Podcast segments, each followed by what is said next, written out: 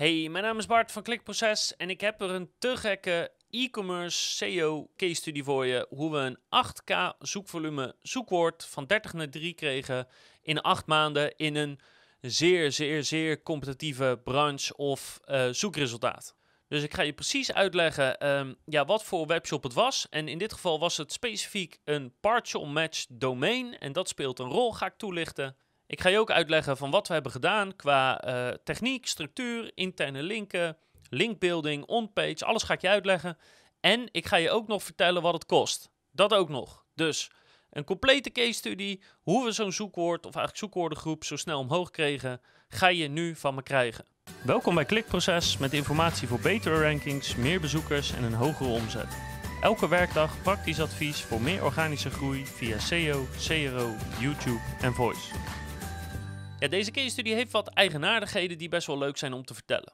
Dus één is, de domeinnaam was al jaren geregistreerd. Ik weet niet precies hoe lang, maar al jaren. En er stond altijd een soort van dummy webshop op. Dus dat was een webshop met ja, een klein beetje content, maar eh, ja, er waren wat producten toegevoegd, maar die hadden geen voorraad. Er waren een paar categorieën aangemaakt, maar uh, er was niet echt over nagedacht. Dus heel lang, jaren en jaren, stond deze webshop maar een beetje niks te doen. Totdat de eigenaar op een gegeven moment zei in 2019: Ik wilde wat mee gaan doen. Nou, en toen zijn we eens gaan kijken. En het viel ons op dat dit een partial match domeinnaam was, of nog steeds is. En uh, dat hebben we niet vaak. En daar zitten wel wat dingen in die je er, ja, wat leuke dingen die je ermee kan doen. Dus dat ga ik je tijdens de case study zo meteen nog uitleggen, maar belangrijk dat je dat weet. In 2019 zijn ze dus de shop echt actief gaan maken. En dat betekent dat ze een paar honderd producten hebben toegevoegd, niet eens zoveel. En dat er dus tientallen categorieën op de website uh, live waren gezet. Dus uit mijn hoofd even een stuk of zes hoofdcategorieën met daaronder allerlei verschillende subcategorieën. Ook belangrijk om te weten is dat de homepage was ingericht op het belangrijkste zoekwoord van die specifieke niche. Dus we gaan even een voorbeeld pakken. Stel dat we het bijvoorbeeld hebben over een webshop die ringen verkoopt.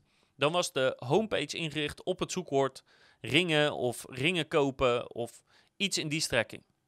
En alle andere categorieën en subcategorieën waren dus nou ja, specificaties binnen dat zoekwoord. Dus als we het over ringen hebben, dan waren de categorieën bijvoorbeeld um, uh, ringen, materialen. Ik, ik, weet niet zoveel van ringen, maar je hebt vast wel uh, zilver en goud en, uh, en platinum, zulke soort dingen. En je hebt dan ringen gelegenheden van een bruiloft en een vriendschapsring en een leuk cadeautje voor het 50ste jubileum. En je hebt dan bijvoorbeeld ringkleuren, dus zwart en nou ja, goudkleurig, et cetera. Dus op die manier was de webshop opgedeeld eigenlijk zoals de meeste webshops gewoon zijn ingedeeld. Alleen de meeste webshops hebben dus niet ja, de, belangrijkste zoekwoord op de homepage en hier zowel. En dat was eigenlijk best logisch, want als je zoekt op ringen, dan is het niet raar dat je wordt doorverwezen naar allerlei subcategorieën om daar het juiste product te vinden. Nou, en die homepage had in totaal een zoekvolume van ongeveer 12.000. Dus als je alle zoekwoorden, dus het hoofdzoekwoord had 8000 en dan had hij nog een kleine zoekwoord van ongeveer 3000 en nog wat longtail zoekwoorden eromheen. Dus een totaal zoekvolume van ongeveer 12.000 zat op die homepage. En die wat meer longtail zoekwoorden, die ken je wel als je in e-commerce werkt. Weet je, kopen, bestellen, online, uh, goedkoopste of aanbieding. Weet je, zulk soortachtige longtail zoekwoorden.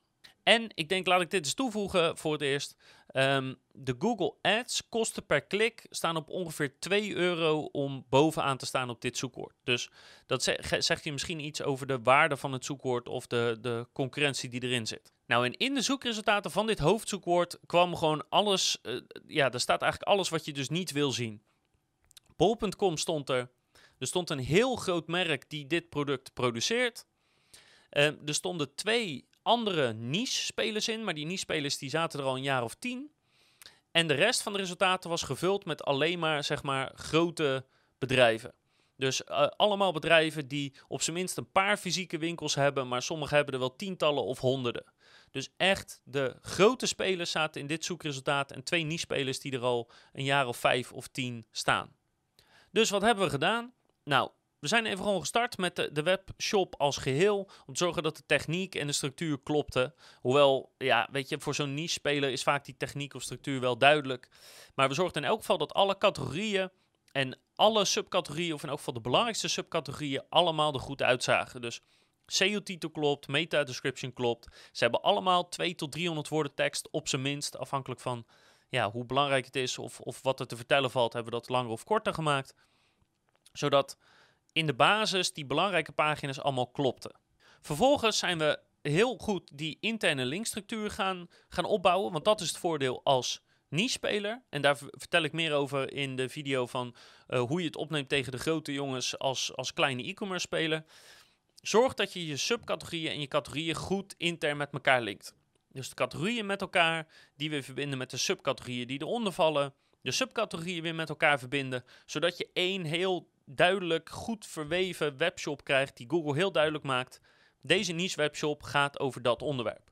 En uiteraard link je die categorieën en die subcategorieën weer terug naar de homepage voor, voor het belangrijkste zoekwoord, voor, het, voor die overkoepelende term. Of nou ja, misschien niet dat ze allemaal letterlijk teruglinken, maar in elk geval de belangrijkste. Nou, qua on-page optimalisatie is het belangrijk dat een homepage vaak anders is dan categoriepagina's of productpagina's. Want een homepage heeft geen enkel ander doel dan mensen doorverwijzen.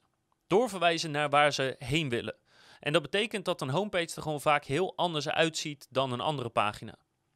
Dus als je binnenkwam op de homepage, dan heb je natuurlijk het menu bovenaan. En daarna had je meteen een aantal grote blokken die doorlinkten naar de belangrijkste categorieën. En dat is namelijk waarvan wij weten dat mensen dat het liefst willen. Want zelfs als je met een homepage die, die niet goed een bezoeker helpt uh, op de eerste pagina komt, nou en dat kan, want de gebruikssignalen spelen niet erg een rol totdat je op die eerste pagina bent. Maar vanaf die eerste pagina wel. Dus het wordt heel lastig om op die eerste pagina te blijven als jouw pagina, in dit geval de homepage, niet goed de bezoeker helpt.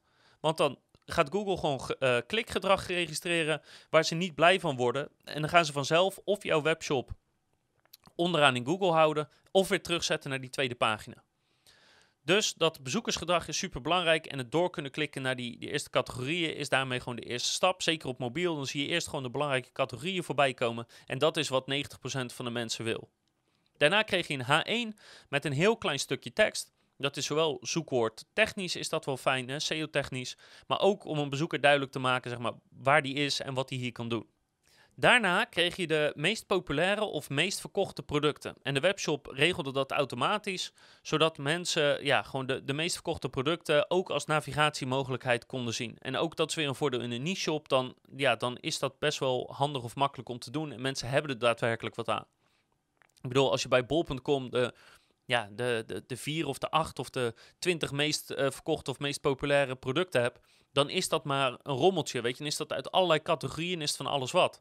Maar bij zo'n niche shop zijn dat gewoon allemaal relevante producten. Daaronder konden mensen weer doornavigeren naar de belangrijkste subcategorieën. Dus de categorieën hadden we al, dan hebben we producten en dan kunnen ze naar de belangrijkste subcategorieën. En dat is voor een deel uh, waarvan we zagen dat mensen daar veel uit kochten. Maar ook voor een deel is het gewoon dingen die wij zoekmachine technisch willen pushen of producten of groepen die we willen pushen. Daaronder kwamen weer de linken naar de belangrijkste merken. Ook dat kan een goede navigatiemogelijkheid zijn. Dat iemand niet naar een categorie of subcategorie wil, maar gewoon een specifiek merk iets zoekt. Nou, die gelegenheid bieden we dan ook. En helemaal daaronder, daar staat nog een stuk content. Nou, dat is zowel SEO-technisch wel handig om een paar honderd woorden te hebben. Maar ook daar staan weer interne linken in naar de verschillende categorieën of subcategorieën die belangrijk zijn. Nou, het is, in, uh, het is natuurlijk een homepage van een webshop, dus er staan over de hele pagina heen heel veel relevante afbeeldingen die aan de ene kant gericht zijn op de categorieën en subcategorieën en daarvan dus ook bijvoorbeeld de naam en de alt-text meekrijgen. En ook een aantal afbeeldingen die bedoeld zijn echt voor de homepage, die daarin de juiste zoekwoorden hebben verwerkt, zodat die homepage kan gaan scoren. Maar als je natuurlijk optimaliseert voor een categorie binnen een niche shop, dan, ja, dan heeft het eigenlijk automatisch ook alweer belangrijke zoekwoorden in zich. Dus genoeg afbeeldingen met relevante benamingen, alt-tags, etc.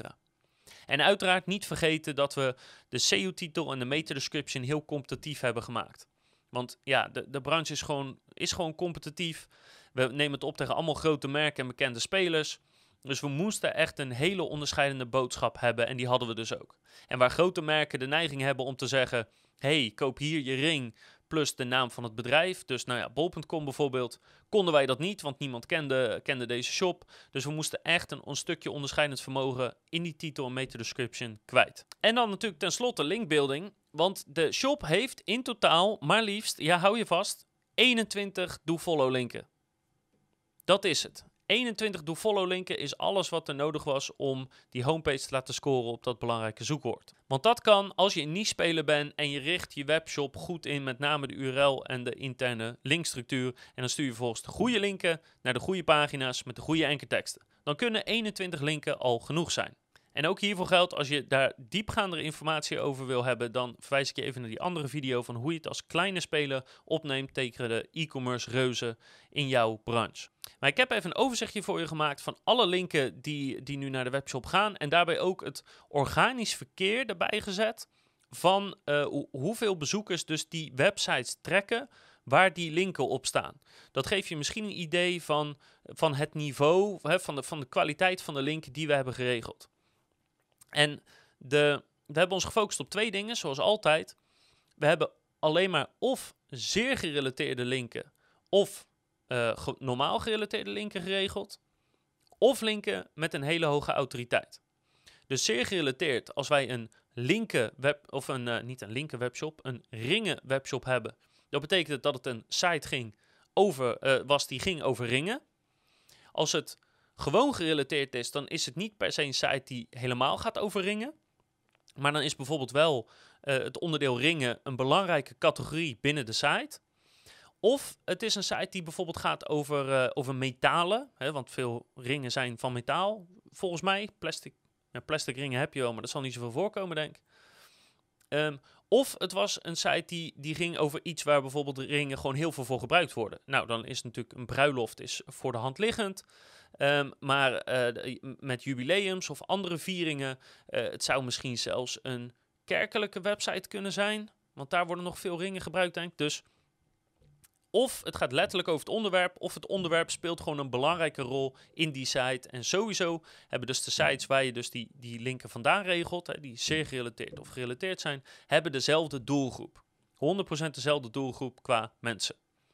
En als je gaat kijken naar autoriteit, dan is het eigenlijk, het maakt niet uit hoe gerelateerd die is, als die maar gewoon een hoge autoriteit heeft. En ik haal altijd als voorbeeld in, in, de, in de video's en podcast, haal ik altijd aan bijvoorbeeld, weet je, uh, elke grote krant. Of het nou de Telegraaf is, of het Parool, of het AD, of het Financieel Dagblad. Als je een website hebt die gewoon een, zeg maar, een DR van 60 of hoger heeft, of, of een uh, DA van 60 of hoger, of een Trustflow van, nou ja, meestal 35 of hoger, dan wil je daar eigenlijk wel gewoon een goede link van hebben. Dus naar die twee linken gaan we doorgaans op zoek en ook dat hebben we dus weer hier gedaan. Nou, dan zie je ook tussen staan dat er één link is met heel weinig verkeer. En dan zou je kunnen denken van, oh, heb je een PBN geregeld of zo? Nee, dat was gewoon een kleine, ja, soort startende site nog die super gerelateerd was. Dus normaal gesproken willen we wel een bepaald minimum aantal bezoekers hebben. En die paar honderd die hier staan is, is doorgaans niet genoeg. Maar hij was zo gerelateerd dat het interessant is. En daarnaast ja, kwamen we gewoon in contact met die eigenaar. Het is nog een site die gaat groeien, dus hopelijk wordt hij nog een stuk beter. Ook staan er drie linken in die ik even gemarkeerd heb, die uh, vanuit van die willekeurige websites komen. Dus één hiervan is bijvoorbeeld tntcode.com. Weet je, van die willekeurige websites die linken naar van alles en nog wat, soort semi-spam. Dus die drie linken kan je eigenlijk weggooien, want daar hebben wij verder niks mee te maken, zijn ook totaal niet gerelateerd, voegen ook verder niks toe. En uiteraard zijn we natuurlijk ja, idealiter gaan kijken van, zijn er ook sites die en een hoge autoriteit hebben en zeer gerelateerd of gerelateerd zijn. En uiteraard, als zulke sites er waren, hebben we heel veel moeite gedaan om die te kunnen laten linken. Dus in het geval van de ringen zou dat dus een site zijn bijvoorbeeld met een DR van 70, die dan ook nog eens volledig over ringen gaat of bijvoorbeeld volledig over bruiloften gaat. Weet je, zulke soort sites zijn natuurlijk het neusje van de zalm die je heel graag wil hebben. Dus ook daar hebben we heel veel moeite voor gedaan. Nou, hoe de linkverdeling in zijn totaliteit is, is Zes linken zijn rechtstreeks naar de homepage gegaan en de rest is verdeeld onder de belangrijke categorieën van de webshop. En omdat ze intern zo sterk linken met elkaar, helpt dat elkaar te versterken en daardoor is die dus gaan stijgen. Dus we hebben niet alle linken zomaar hoppakee naar de homepage gestuurd. Nou, de ankertekstverdeling, daarvan raad ik altijd aan om je te spiegelen aan de top in Google. Maar in dit geval gaat dat helemaal niet op. Want de sites die nu scoren in Google zijn helemaal niet vergelijkbaar met deze webshop. Ik zei al, er zijn twee niche-spelers in. Daaraan zou je kunnen spiegelen. Maar een bol.com of zulke soort grote sites, die scoren om hele andere redenen en op een hele andere manier dan jij als kleine niche-speler. Dus je daaraan spiegelen is echt totaal zinloos. Sterker nog, zou ik helemaal niet aan. Het is niet alleen zinloos, het kan zelfs schadelijk zijn. Dus in dit geval konden we qua enkeltekstverdeling eigenlijk niks leren uit wat nu scoorde in Google. Dus hebben we ons eigen plan getrokken. En die hebben we vrij agressief ingestoken. En ik zal het ook even laten zien. En dan zie je dat een heel groot gedeelte van die linken is een exact match met, met, um, met zoekwoorden of een partial match met zoekwoorden. Dus als we het over die ringen hebben, zijn er dus veel enkelteksten die gewoon letterlijk zijn. Dus ring of ringen of ring kopen of iets met ring erin in elk geval. Van koop hier de allerbeste ringen of bekijk een overzicht van schitterende ringen, zoiets. En de reden daarvoor is dus omdat het domeinnaam een partial match domein is. Het zoekwoord zit in de domeinnaam. Dus als we het over ringen hebben, dan hebben we het bijvoorbeeld over bartsprachtigeringen.nl.